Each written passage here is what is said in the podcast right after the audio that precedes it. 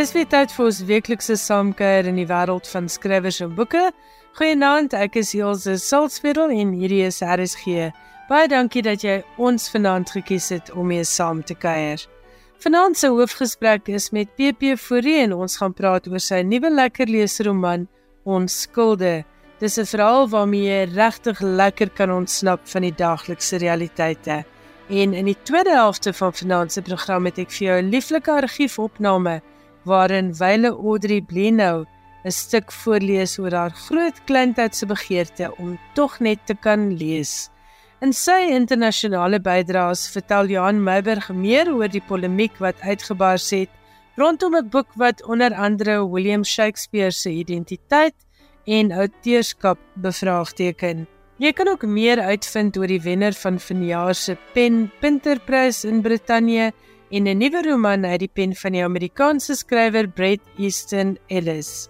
Ek hoop jy geniet vanaand se program en ons spring sommer dadelik weg met Johan Meiburg se eerste bydrae.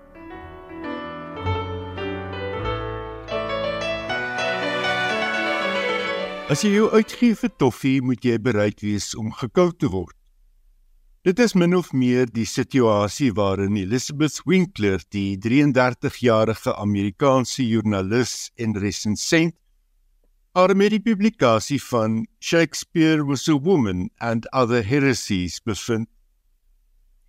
Dooring jy aan die teorie dat William Shakespeare van Stratford upon Avon moontlik nie die skrywer is nie van Hamlet Macbeth, A Midsummer Night's Dream en etlike gedigte wat aan sy naam gekoppel word, is hy in diep vaarwater. En dit bewys die reaksie op die boek duidelik. Winkler voer aan dat sy gewoon navorsing gedoen het en nie daarop uit was om omstrede stellings te maak nie. Benewens die feit dat sy vir Wall Street Journal en New Yorker skryf, het sy grade in letterkunde van die Princeton en die Stanford Universiteit. Die teorie dat Shakespeare nie die skrywer was van die werk wat aan sy naam gekoppel word nie, is nie nuut nie. Die eerste bevraagtekening van Shakespeare se auteurskap was al in die 19de eeu En onder die 80 name wat genoem word as die eintlike outeur van die dramas en gedigte wat aan Shakespeare toegeskryf word, is daar kandidaate soos Sir Francis Bacon, Edward de Vere, die 17de hertog van Oxford, Christopher Marlowe en William Stanley, die 6de hertog van Derby. By die lys voeg Winkler ook die moontlikheid, soos sy in die titel aandui, dat 'n vroue kandidaat kan wees. Benewens die naam van Mary Sidney, die grafin van Pembroke en die suster van die digter Philip Sidney, word ook die moontlikheid genoem van Emilia Bassano, gebore in Londen in 1569 en die kind van Venesiese immigrante ouers. Wat Winkler in haar boek doen is om faktore binne berekening te bring wat bygedra het tot die siening dat Shakespeare die skrywer is wat deur al die eeue gemeen is. Faktore soos nasionalisme en aspirasies van die Britse ryk, die rol van godsdiens, mitologisering, gender en klas kom alles binne haar blik op die outeurskap. Dit is veral drie argumente wat Winkler na haar boek aanvoer wat kan dui op die gewig van haar navorsing. Die eerste is dat die kwessie oor outeurskap gekoppel is aan die opkoms en die ondergang van die Britse ryk en die noodsaak vir nasionale mites. Die tweede is dat Shakespeare iets van 'n sekulêre godheid geword het en dat teater die vakuum gevul het wat die kerk gelaat het. En in die derde plek, die mense behoefte om te kleef aan die geloof dat Shakespeare die skrywer is, eerder as om met soveel gapings in autentisiteit daaraan te twyfel. Spectator het in 'n resensie Winkler se boek beskryf as dwarskoppig en geskoei op 'n irrasionele voorveronderstelling. Nog 'n resensie het die boek bestempel as verneig en het aangevoer dat hoewel twyfel aan Shakespeare se outeurskap nie naaste by so gevaarlik is soos die betwyfeling van byvoorbeeld klimaatsverandering nie, die retoriek en strategieë taamlik dieselfde is. Shakespeare was a woman and other heresies deur Elizabeth Winkler word uitgegee deur Simon and Schuster. Jy luister na skrywers en boeke, jou belangrikste bron oor Afrikaanse boeke.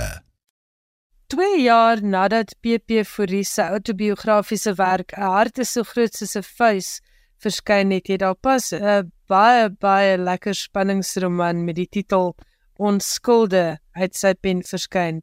Ek was vasgenaal op die punt van my stoel tot amper reg aan die einde. Hierdie is domestic noir en daar is 'n hele klompie mense wat jy vermoed die skuldige kan wees wat een van die hoofkarakters so tuister oor jare.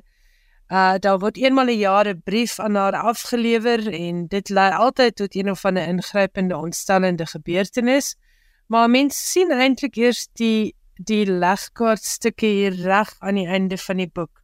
Vertel vir ons so 'n bietjie van hierdie boek se prikkel. Ek wil net vir luisteraars sê dit is domestic noir wat natuurlik nou 'n thriller element bevat, 'n bietjie 'n uh, misdadige element bevat maar hier sterk temas van skuld en wraak, vergifnis, jaloesie, verslawing, maar ook liefde en deernis uit onverwagse oorde. So Pieter, waar het ons skulde begin? Ons skulde het begin as die wraakfantasie van 'n klein seentjie. En dit daai klein seentjie was ek gewees 45 jaar gelede. Almal wat 'n hart so groot soos 'n vuis gelees het, sal weet dat uh, my pa vir my en my ma geboelie het. en ehm um, blykbaar in so 'n situasie in die huis is as enigste kind as geïsoleerde familie geen kontak met mense nie jy weet jy ontstap maar in jou in jou fantasiewêreld in en ek het geluister na Leon Leon van Nierop stories oor die radio elke middag en uh, so op my eie het ek het ek ja lekker gespeel so op my eie en in my fantasie en blykbaar is dit heeltemal normaal vir so 'n kind om nie noodwendig wraakfantasie oor die die skuldige partye in die huwelik wat geweld doen in die familie te hê nie, maar oor die buitepersoon. Weet die, die die mense met wie die die vrouens met wie my pa sê maar affairs het. En dit was die vonk gewees. Ek het daai oorspronklike gedagte gevat. Dit dit is 'n autobiografiese element en toe 30 40 jaar later begin speel daarmee en eh, 'n uh, storie uitgedink. So so die verhaal self is nie autobiografies nie. Ek belowe niemand niemand is dood nie. Uh, maar die oorspronklike vonk het 'n het 'n autobiografiese oorsprong. Dit is dan seker ook die rede hoekom jy hierdie boek opdra aan 'n sielkundige en 'n lewensafrigter. Presies. Uh, 30 jaar gelede toe ek by die sielkundige Ria Kotse was in Stellenbosch, het sy mooi na my geluister. Ek onthou hier aan die einde van 2, 3 jaar se terapie het sy vir my gesê jy moet 'n boek skryf en ehm um, ek het ek het nie na haar geluister nie, maar ek het ek het gehoor wat sy sê.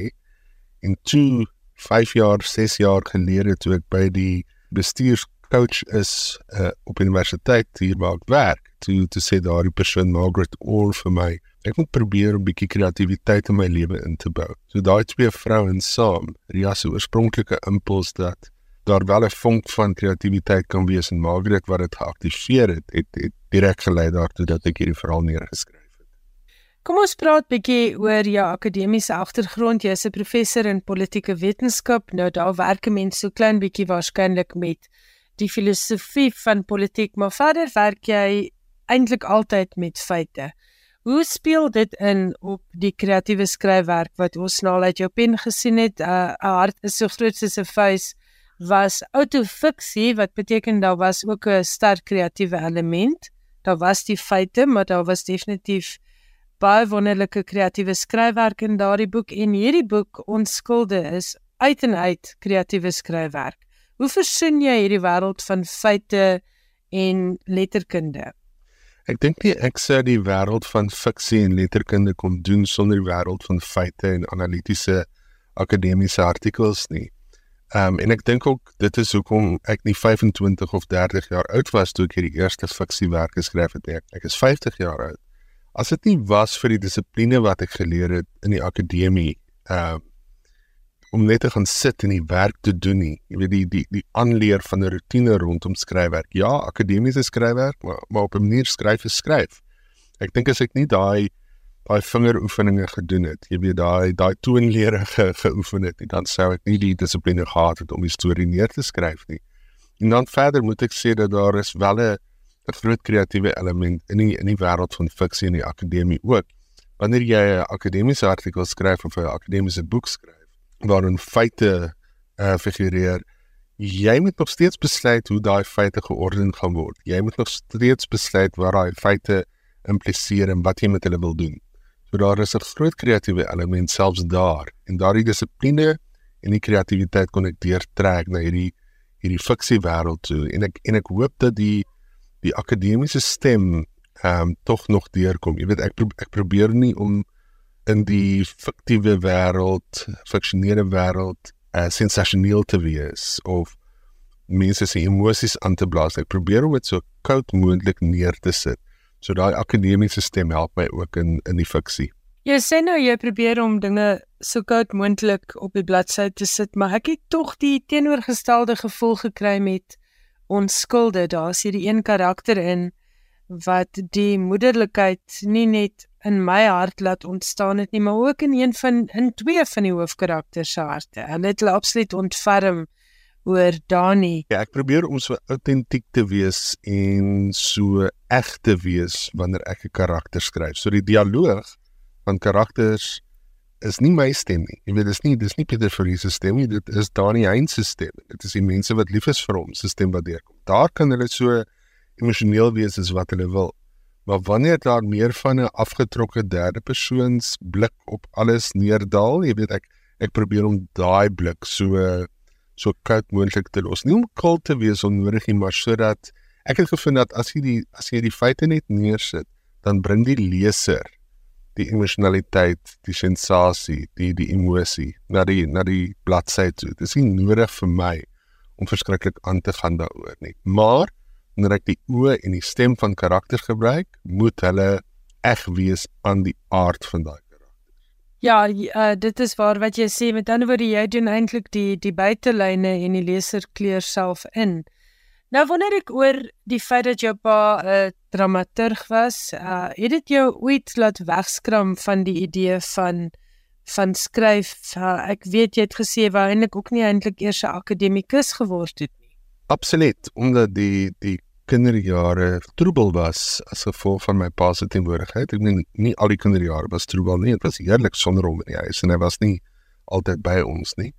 Maar as gevolg daarvan en omdat hy geïdentifiseer het as as hierdie hoog intellektuele uh skrywer, jy weet met die hoofletter S of 'n dramaturg met die hoofletter D of 'n kunstenaar met die hoofletter K, het wou ek baie baie doelbewus wegbly van daardie etikette af en daardie beroepskeuses of enigiets wat daarom verwant kon wees.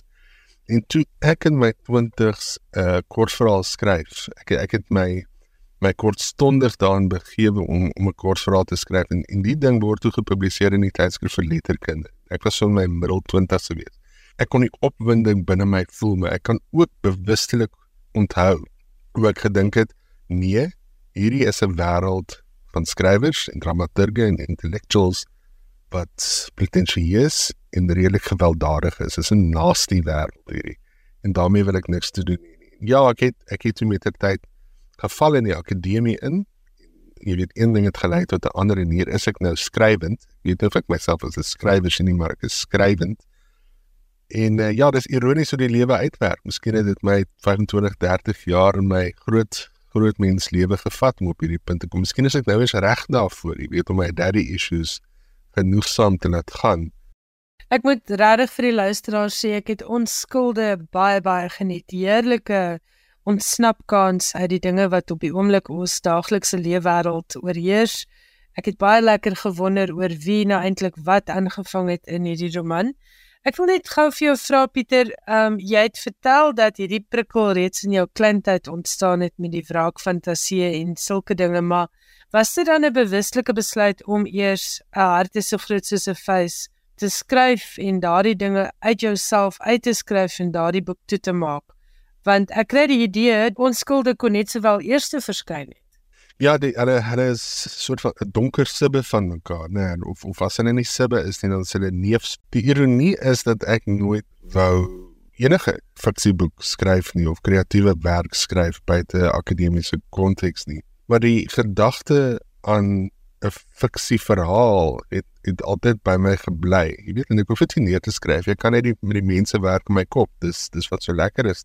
En toe het ek so 15 jaar gelede begin speel met die gedagte om ek het toe in Australië gewoon om as ek 'n storie sou skryf, dan kan hierdie karakters daarin wees en dit kan gebaseer wees in Sydney en in die Blue Mountains buite Sydney. Ek weet ek het die hele konteks uitgewerk en ek het 'n spreiblad gehad, jy weet, en hoofstukke se inhoud so lank daarin begin neersit, net die buitelyne om om mee te speel, agtergrond tot die karakters en so meer. Nooit werklik ernstig om te gaan sit en die, en die ding neer te skryf en jy weet 75000 woorde romante te skryf. En toe gebeur 2017 wat ek per ongeluk by die bestuurscoach, uh afrigter uitgekom het Margaret Orr by die universiteit.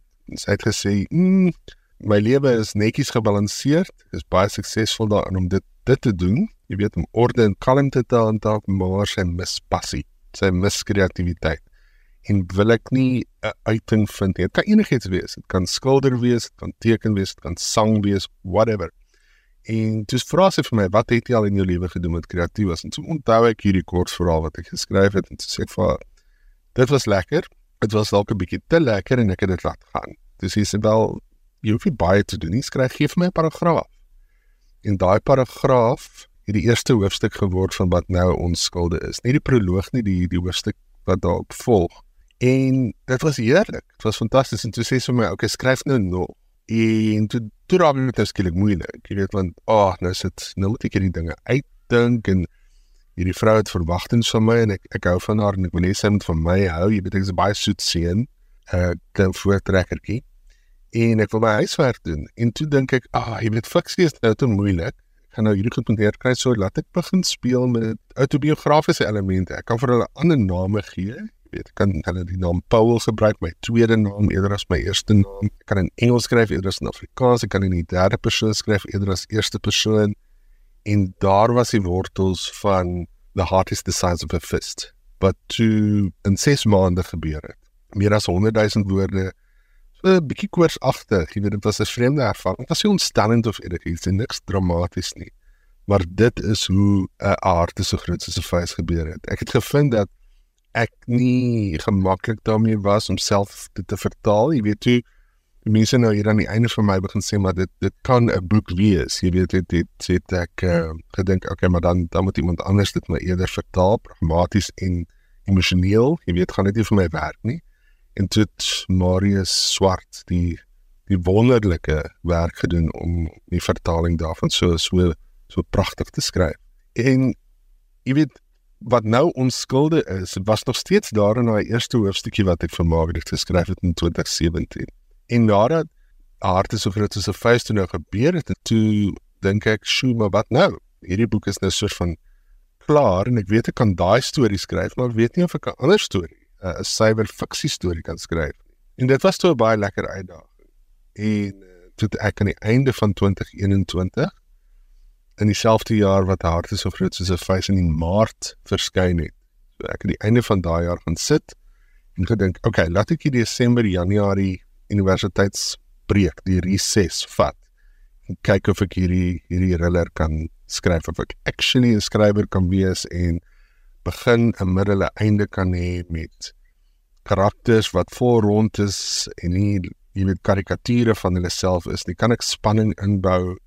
Ehm um, kan ek hier raaisel oplos sonder om in my eie gedagtes verstrengel te raak. En en dit is dit is hoe hoe onskuldig gebeur het of of die begin daarna het het ek nog lank gewerk om klaar te maak. So jy is heeltemal reg. Ilse tegnies gesproke was onskuldig seker voor harte so groot soos 'n vuis, harte so groot soos 'n vuis het homself toe ingedruk en uh, my verslaaf gemaak aan die idee om skrywend te wees. Wat interessant was om te lees dat hierdie uh, boek wat jy in Australië begin skryf het, wat jy gedink het 'n verhaal kan word en wat uiteindelik onskuldig geword het deur soveel metamorfoses moes gaan en deur soveel hande moes gaan voordat ons nou hier sit met die boek in ons hande. Vertel asseblief bietjie vir die luisteraars daarvan Dit was vir my amusant om te hoor dat die dagboek was twee keer ingesluit en twee keer weer uitgehaal. Dit klink regtig na 'n eislike klomp werk. Het jy gedink dit gaan so moeilik wees? Nee, dit was ek weet aardse Christus feit was nie moeilik nie. Dis dit was nogal maklik. Ek weet mense dink dit was net donker en intens, maar ek het niks uit te gedink het nie. Jy weet so dit dit was lekker. Dit dit, dit was wat dit was. En toe ek nou kom sit met hierdie ding, en dis nie veronderstel om so swaar en donker te wees nie. Dis dis 'n thriller, jy weet. Ja, ek dink dit is 'n literêre, maar dis dis 'n thriller. En ek het reeds die storie gehad en so aan en ja, toe ek begin werk het, het ek besef dat die skryf van wat wat 'n boek word, deel aan die einde. Die skryfdeel daarvan is maar net 'n klein okay, dis nie 'n onbelangrike komponent nie, dit is baie belangrik. Maar dit is net een van die baie komponente en ek is net een van baie mense wat op die ou en die ding wat ons 'n boek noem, maak. Om 'n boek te maak is 'n baie groot proses om 'n manuskrip te skryf. So ek het begin destyds in Australië, natuurlik 'n Engelse wêreld. My notas was in Engels. Ek het met Margaret gepraat. Margaret is Engels. So dit was maklik om net eenvoudig aan te gaan en die manuskrip vinnig in Engels te doen. En dit het ek gedoen in daai Desember en Januarie 2021 2022. En toe stuur ek geweldig arrogant die manuskrip in Engels vir my uitgewer. Ek dink dit was rondom die 20ste Januarie verlede jaar. Dit sê ek, "Hallo Caroline. Hier is die boek. Cheers." Jy weet, en baie baie vol selfvertroue. Baie baie, jy weet, onkundig soos 'n tiener. Gelukkig red sy my toe vir myself en sy sê, "Mm, kom ons kyk." En toe kyk sy en toe laat sy my vir 3 maande afkoel en toe kom sy terug nou uit want sy sê ja, is potensiaal. Ons ons kan ons kan begin werk, né? Nee.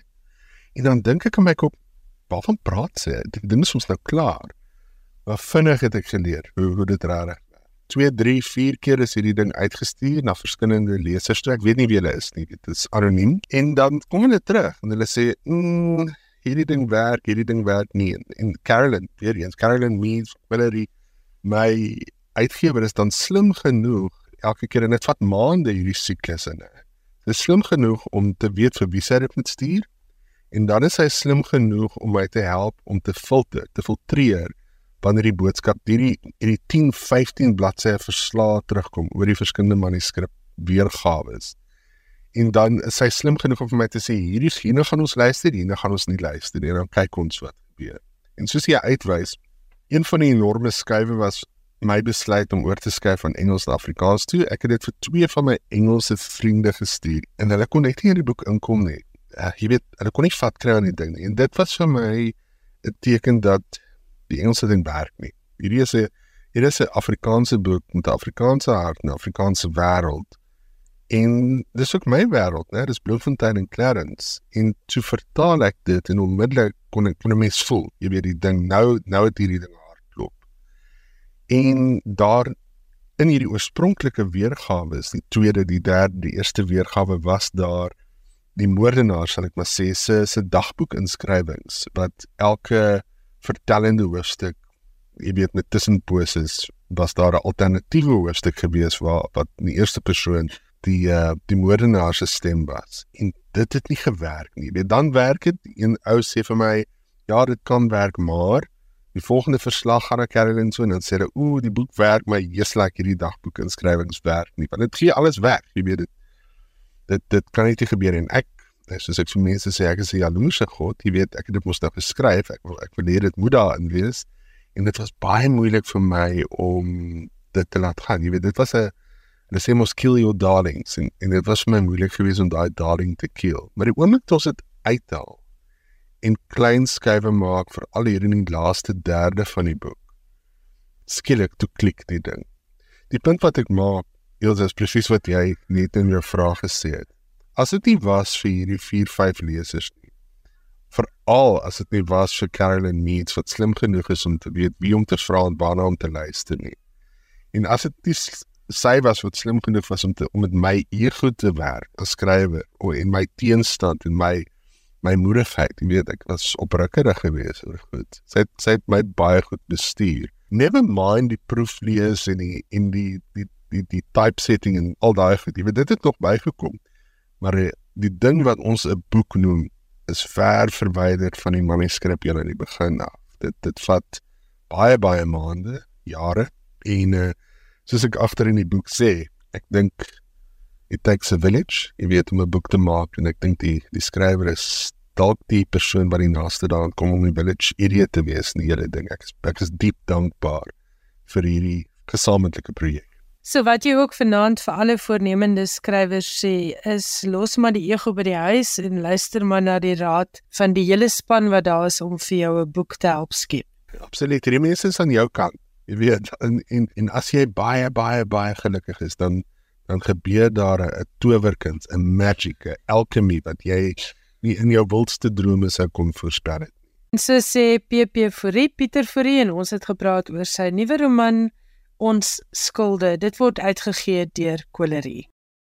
Johan Meiberg vertel nou meer oor die wenner van die gesogte Pen Punterprys. Dis onlangs toegekend aan Michael Rosen. Die 2023 Pen Punterprys is aan Michael Rosen, die Britse skrywer veral van kinderboeke, toegekend vir sy vreeslose skryfwerk wat lesse in menslikheid bied, soos die beoordelaars dit beskryf het. Die prys is genoem na Harold Pinter, die Engelse dramaturg wat in 2005 die Nobelprys vir letterkunde gekry het.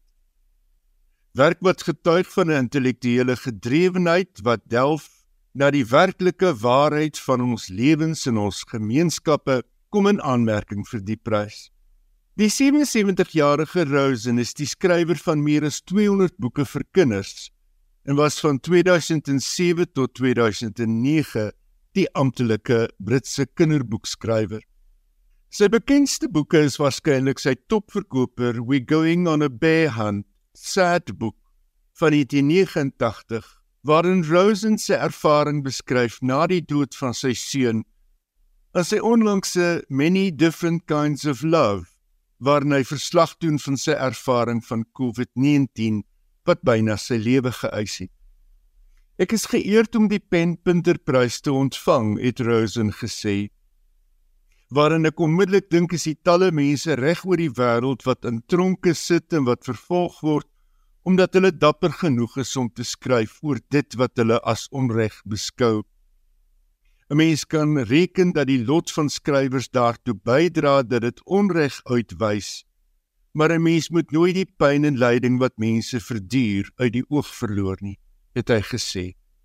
Die prys word in Oktober in die British Library aan Rosen oorhandig. Baie dankie, Johan. Skrywers en boeke. Alles wat jy oor die boekewêreld wil weet en meer. Audrey Blino was nie net 'n bekende skrywer en joernalis nie, maar ook die stigter aanbieder van Vroue Rubriek, een van die destydse SAIK se vlaggenskap programme. En het jy geweet dat Audrey wyd gehuldig word vir die baie leeskringe wat sy in Suid-Afrika help vestig het? Sy het selfs in 1980 'n handleiding vir leeskringe getiteld Van leser tot leser geskryf. Sy is ook deur Wyle Henny Oukamp beskryf as die vrou wat die Afrikaner aan die lees gehou het. Ek het nou vir jou 'n pragtige argiefopname wat in 1991 ter viering van Audrey se 75ste verjaarsdag deur Daniel Hugo opgeneem is. En hierin lees Audrey 'n essay voor oor haar groot begeerte om tog net te kon lees. Lekker luister.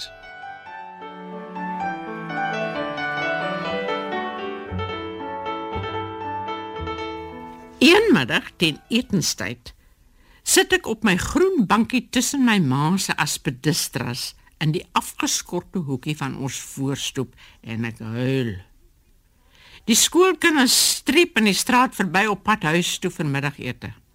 Hulle lag en gesels, spring soms heen en weer oor die leisloot, waai vir een wat afdraai na sy huis toe.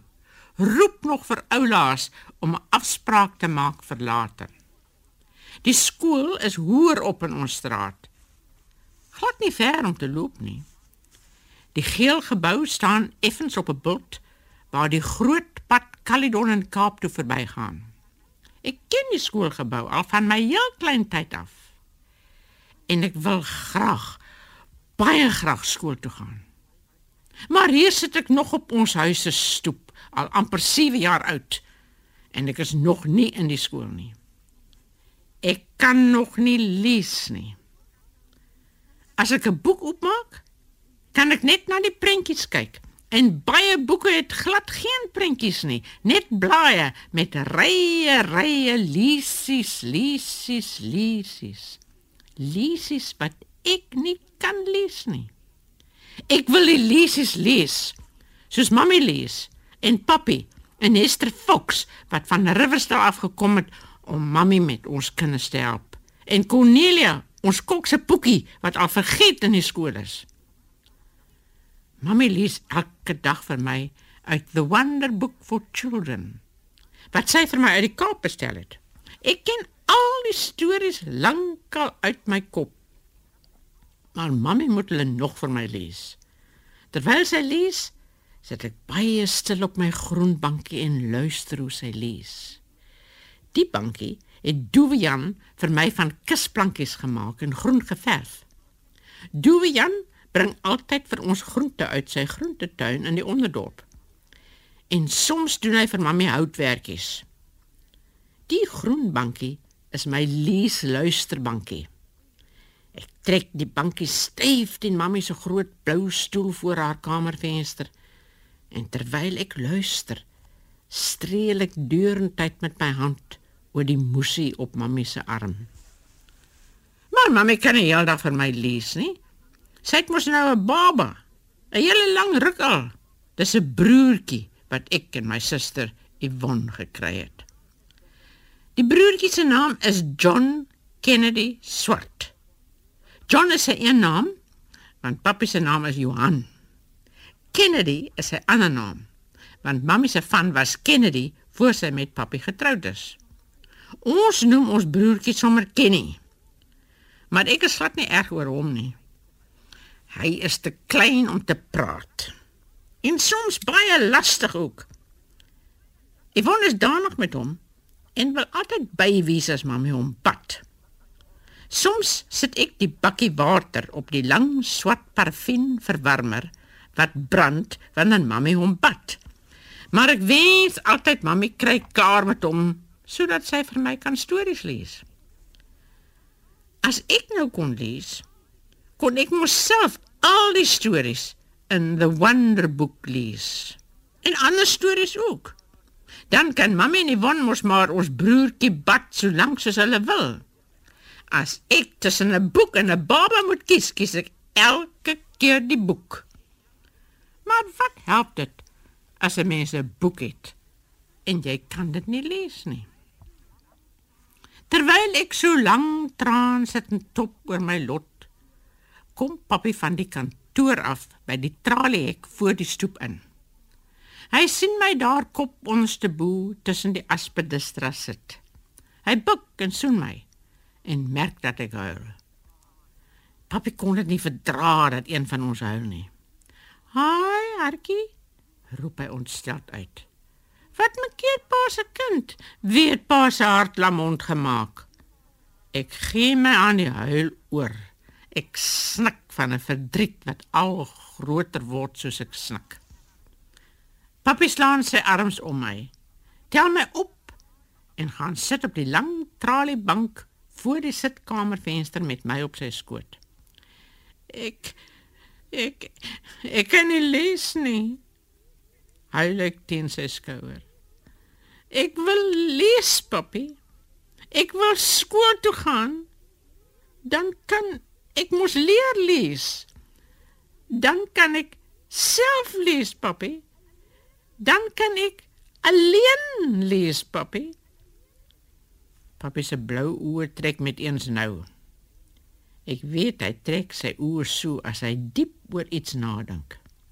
Hy kyk stip na my. Hy haal sy wit sakdoek uit sy baadjie sak en vee my trane af. Ag, pa se ou kind sê hy en ek sien dat hy met eens baie jammer is vir my. Papi het regtig nie geweet dat jy al so verlang om skool toe te gaan nie. Papi het maar gedink dit is goed vir julle twee sustertjies om so lank soos moontlik by mekaar te wees. Papi het gedink as jy skool toe gaan, sal Wonnie darm so alleen wees nou dat wel my nie meer by ons is nie. Wel my was ons sustertjie wat dood is. En Kenny nog so klein. Toe papi van wel my praat, begin ek sommer weer te huil teen sy skouer. Hy streel oor my hare. Ag hartjie. Papi kan nou sien dat jy skool toe moet gaan. Jy word mos een van die dae 7. Ja, jy verjaar in die wintervakansie wat een van die dae begin. Nou ja. Papi sal met mami praat en net na die vakansie sal ons jou skool toe laat gaan. Hoor? Moenie meer huil nie. Kom ons gaan kyk waar mami is en dan sê ons vir haar van ons plan. So het dit gebeur dat ek in die middel van die jaar skool toe gegaan het. Die aand voordat ek skool toe sou gaan, het ek by mammy in die groot koperkater geslaap. So met 'n groot gebeurtenis in een van ons kinders se lewe, het die kind altyd by mammy geslaap. Papi het dit as vanselfsprekend aanvaar en in sy klein kamertjie waar hy hom altyd skeer en aantrek gaan slaap. My baba broertjie het aan die ander kant van die koperkater in sy traliebed geslaap. Maar ek het my niks aan hom gesteer nie. Esther Fox het die aand by Yvonne in ons kamer geslaap. Ek het my skoolklere in 'n netjiese hoopie op 'n stoel langs die bed reggesit en my skoon gebad met mammie se lekker ruik seep. Môre aand sou ek weer in my eie bed slaap. Maar vanaand slaap ek by mammie omdat ek môre skool toe gaan. Ek wonder niks gesê oor my skool toe gaan ry nie. Maar die Sondagmiddag voor die Maandag dat ek skool toe sou gaan, het ons twee op die grasperk voor ons huis gesit met Hannes, die skilpad wat aan ons albei behoort het. Duvian het eendag saam met sy groente die skilpad vir ons gebring en beduie dat dit vir ons albei 'n present is. Die Sondagmiddag dink ek toe skielik daaraan dat Yvonne by die huis gaan bly wanneer ek skool toe gaan. Dalk gaan sy tog alleen voel. Wel my is weg, soos papi gesê het. En die Kenny baba is nog te klein om met haar te speel. Toe kry ek 'n goeie gedagte. Ek tel die skilpad op en sit hom voor die wond neer. Kyk, sê ek. Ek gee vir jou 'n present. Ek gee vir jou my helfte van Hannes. Van vandag af is Hannes net joune.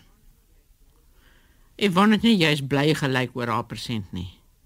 En ek het afgehaal gevoel. Gaan jy nou van môre af lees? vra sy. Ek weet nie hoe lank dit neem om te leer lees nie, sê ek. Maar dit beloof ek jou, ek sal leer lees. En dan lees ek elke aand vir jou 'n storie. Ag nee, wat? Ek hou baie meer van vertel as van lees. Jy hoef nie vir my te lees nie. Die maandagooggend word ek vroeg wakker. Dit is nog donker buite, maar ek wil opstaan. Ek sien dat mami ook wakker is. Ek wil nou opstaan, mami, sê ek. Mami steek die kers op en sê ek kan maar aantrek as ek wil. Sy gaan so lank dink wat sy vandag alles moet doen. Kenny word ook nie wakker van die kerslig nie. Ek trek versigtig aan. Eers my langmou vrokkie, dan my Liberty bodice met die knope waaraan ek my wit broekie moet vasmaak. Dan my donkerblou bloemer bo oor die wit broekie. 'n Donkerblou skirt met 'n wit lyfie. 'n Wit hemp en 'n donkerblou trui bo oor. Ek trek wit kniekouse aan wat oor nuwe kousrekkers omslaan en swart toeregskoene wat papi vir my op Swellendam laat maak het. Al my klere is splinternuut. Ek loop met die brandende kers badkamer toe om my gesig te was en smeer 'n bietjie lekker ryk seep agter my ore. Mamy het vir Miss Kloete, die sep A onderwyseres, gevra om my skool toe te neem omdat dit die eerste dag is dat ek skool toe gaan. Nou staan ek op die voorstoep en kyk of my skroete aankom. Papi roep my om ontbyt te kom eet. Maar ek is te opgewonde om te eet. Ek kan nie onthou dat ek my skroete ooit gesien het nie. Maar toe sy in ons sitkamer instap, toe weet ek dis sy. Sy lyk vir my kwai met 'n lae bruin bolla en 'n groot swart raambril. Maar sy is dan baie deftig. Sy het 'n bruin en geel gestreepte skirt aan met 'n wit blouse en 'n eislike bruin kolletjie stryk voor haar bors. Die mooiste van alles is haar skoene. Bruin platdak skoene met gestippelde losflappe tot amper by die skoenpunte. So sy loop tik tik die flappe oor die skoene. Sy dra armvol boeke met haar saam. Sy praat rukkie met papi en mammy. Toe sê sy, dit is nou tyd dat ons loop want die klok gaan nou nou lui. Papi en mammy soen my tot sins. Yvonne sit met haar pop Nancy my op haar skoot en sê niks. Hester Fox voer Kenny in die spens. Cornelia waai vir my van die kombuisdeur af. Ek loop saam met my stoete skool toe en ek bewe so dat ek geen woord kan sê nie. My stoete hou nie my hand vas nie, waaroor ek bly is. Ons stryk sommer straat op verby die huise wat ek goed ken, verby Benetton Lou se winkel, verby die Smits winkel, oor die ou slootbrug tot by die skoolhek. Skielik lyk dit vir my 'n lawwe ding om saam met 'n onderwyseres skool toe te loop. Ek is sommer vir mammie hulle vies oor die plan. Ek kon mos alleen geloop het.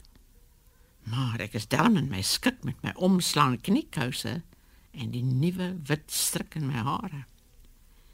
En ek wonder of my stoete kan ruik hoe lekker ek ruik. Toe ons by die trappe opstap na die skoolgebou, kry ek die eerste keer die ruik van die skool. So 'n natlap ruik, half stof, half littles dip. Ek hoor kinders praat en raas en die skoolklok lui baie hard. Met eens is ons by die vierkant in die middel van die skoolgebou. Die kinders wat daar rond staan, raak dadelik stil toe hulle my en my skroete sien aankom. Ek herken nie 'n enkele kind nie en raak met eens bang. My skroete roep 'n meisie in 'n donkerige blou jas en 'n rooi gebreide mis op haar kop. Dirkie, neem asseblief vir Audrey saam met jou saak toe. Dis nou Dirkie de Villiers Audrey. Sy is ook in sub A. Dis vir my vreemd dat 'n meisie 'n seunsnaam kan hê maar ek vra nie vir Dirkie na haar naam uit nie. Mam het vir ons van kleins af geleer dat 'n mens nie vir ander mense persoonlike vrae vra nie. Dis nie goeie maniere nie. Mamy was baie gestel op goeie maniere. Ek loop saam met Dirkie en ons gaan staan in 'n ry met ander kinders op die skoolstoep. 'n Man met 'n kaal kop en gryskant hare speel op die klavier terwyl ons in die saal instap. Wie is dit wat daar klavier speel? Vra ek vir Dirkie. Dis Mr. Oman man. Hy gee musiek en speel orgel in die kerk. Gaan jy klavier les neem? Nee, sê ek. Mamy leer ons self klavier speel. Mamy is ook 'n musiekonderwyseres. Sy het ook eers orgel gespeel in die kerk. Hou dadelik op met praat in die ry. Sê my skroete wat daar verbystap. Ek skrik en bly dadelik stil. In die saal staan die kinders almal in rye, die kleintjies heel voor. Dan kom die onderwysers in, saam met Mr Liebenberg, die prinsipaal. Ek ken Mr Liebenberg, want hy en Mrs Liebenberg kom by mamma hulle kuier. Hy gee 'n lied op in Engels. En toe almal uit hulle rooi boekies begin sing, ken ek die lied, want ons sing dit Sondag aande om die klavier. Jesus, lover of my soul, Let me to thy bosom fly, while the nearer waters roll, while the tempest still is high. O, dis vir my 'n baie mooi lied. Ek sing lustig saam. Al die versies wat hulle sing. Toe bid Mr. Liebenberg in Engels. Dis Engelse dag, fluister Dirkie vir my. Môre is Afrikaanse dag. Mr. Omen speel weer klavier en die kinders gaan almal na hul klaskamers rondom die vierkant. Ek is in die sub A klaskamer. Ek sit by 'n lang lae tafel op 'n geel houtstoeltjie wat kan opvou. Ek ken nie die ander kinders nie. Hulle is al almal 'n halfjaar in die skool. Hulle kan al lees. Maar wag maar, ek gaan ook leer lees. Dis hoekom ek in die skool is. Dis vandag maar my eerste dag in die skool. Môre kry ek 'n leesboek en 'n lei om op te skryf en 'n griffel waarmee ek op die lei sal skryf. Dirkie sê vir my 'n mens kan water in 'n sentbottel bring om jou lei skoon te maak. Ek sal 'n mooi sentbottel by mamma kry en lekker sagte skoonmaaklappe. Papi sal vir my 'n koffer by Rotman se winkel koop, net so een soos Dirkie het, en ek sal al my goed daarin pak. Daardie eerste dag in die skool het ek nie leer lees nie.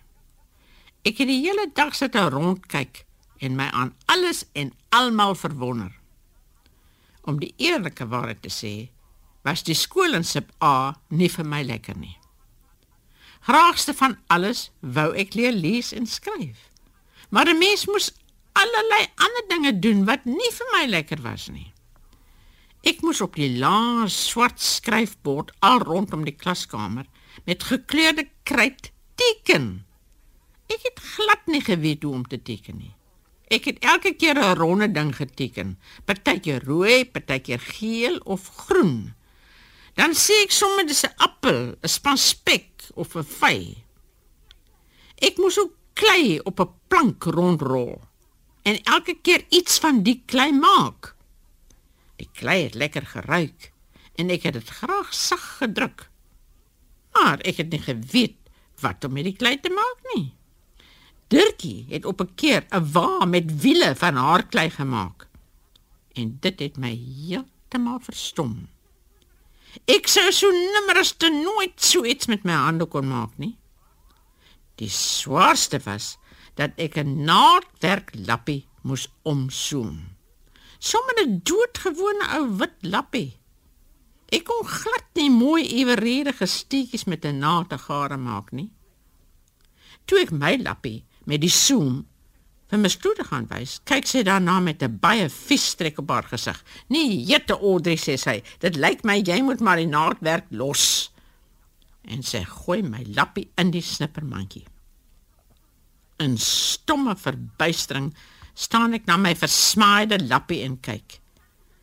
Ek kan nie met 'n naald en gare 'n soem in 'n lappie sit nie. Ek wil huil maar ek wil darm nie voor my skroet en die ander kinders huil nie. Sluk sluk loop ek na my stoel terug. Ek gryp my leesboek en lees sommer 10 keer die dag se leesles deur. Hoe ek leer lees het, weet ek nie. Ek weet nie of ek woorde geklank het of die letters van die alfabet geleer het nie. Ek weet net dat ek op 'n dag kon lees. En toe ek eers kon lees, toe lees ek alles, Engels en Afrikaans. Ek het ook vir almal by die huis hardop gelees. Vir mammie en papi, vir Esther Fox en vir Cornelia en soms ook vir William in die stalkamp. Net Yvonne wou nie luister as ek lees nie. Nee man, het sy gesê. Vertel liewer vir my wat daar staan. Dit klink vir my 'n vervelige leesboek wat jy daar het. Wat ek verder in Sep A geleer het, weet ek nie. Maar aan die einde van die eerste 6 maande in die skool kry ek by die skoolkonsert in die kerksaal 'n prys, the Bluebell Storybook. Buite op die boek was daar 'n pragtige prentjie van 'n dogtertjie in 'n groen rok wat 'n eislike bos bluebells vashou. Daardie aand kon ek my prysboek self deurlees. En die volgende dag het ek vir Yvonne al die stories vertel. Dit was die stem van Audrey Bleenou. Baie baie dankie aan Karen de Tooy wat weer reg gestaan het om vir my hierdie argief bydra op te spoor. Terwyl ek so 'n bietjie nagelees het oor Audrey, het my oog geval op die titel Die eindelose avontuur 'n venster op die wêreldletterkunde en dit is 'n boek wat beskryf word as 'n boek vir almal wat graag gewyd en onderskeidend wil lees. Daarin skryf Audrey so onderhoudend oor die boeke van onder andere Dostojewski, Tolstoy, Bronte en Bellow dat mense vingers juk om daardie boeke nader te trek. Die eindelose avontuur deur Audrey Blenow is in 2020 uitgegee deur Protea. Johan sluit nou vir ons vanaand se program af met 'n insetsel oor Bret Easton Ellis en sy nuwe roman. Jy kan daarna ook luister hoe Ellis self hierdie nuwe boek beskryf. 13 jaar na Imperial Bedrooms wat in 2000 verskyn het, het die Amerikaanse skrywer Bret Easton Ellis nou 'n nuwe boek op die rak, The Shards, 'n boek wat beskryf word as 'n gefiksionaliseerde memoir met volop verwysings na sy laaste jaar op skool in Los Angeles in 1981. As 'n mens die naam van Ellis hoor, is American Psycho as dit ware die eerste ding wat by jou opkom. Die roman wat in 1991 verskyn het, het ondanks aanvanklike besware dat dit vrouehaat sou voorstaan, kultestatus verwerf.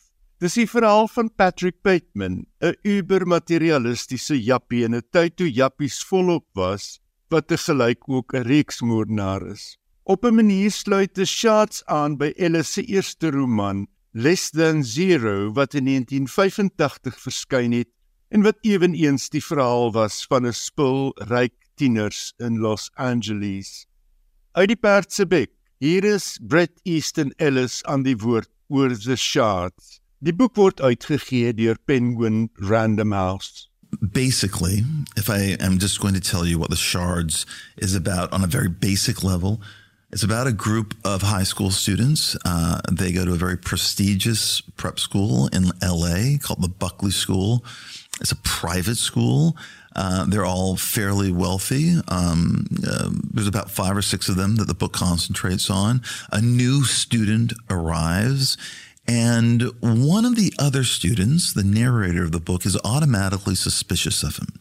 There's something off about this new guy. And our narrator becomes convinced that he is somehow connected, that this new guy is somehow connected to a serial killer that be- has begun operating in the San Fernando Valley called the Trawler. And our narrator, who is one of these kids, begins to piece together all of these clues about this new boy and is positive that he is the serial killer. Now, also going on is this rather large teenage drama, uh, relationship drama. People are um, breaking up. The you know it, it does have a lot of tropes of the traditional high school novel. There's the golden couple. There's the closeted jock. There's the druggy rich girl. And there's the narrator who is closeted and has a girlfriend and is the one who is fantasizing about the new boy being this serial killer. And that is the engine of the novel. And the serial killer, the trawler, seems to be getting closer and closer to this group of friends. And Brett, uh, the narrator, is convinced that one of their classmates has, in fact, been killed by the trawler uh, in a kind of ritualistic, kind of cult like slaying. But it is being presented to the school and to everyone as an accident that he slipped, he fell in the pool, he tried to gash his arm, but it was all, but in fact, it was all part of a ritualistic murder. And so anyway, and it's also about 1980 because I, I said it the year that I went to high school. Hmm. And it's about Los Angeles in that era. It's about the clubs we went to. It's about the movie theaters and the malls. And it's kind of a historical fiction about LA. But at the same time, it is being, you know, people, a lot of people talk about it as if it's a slasher horror, teen horror novel with a serial killer looming uh, larger and larger as the book moves forward.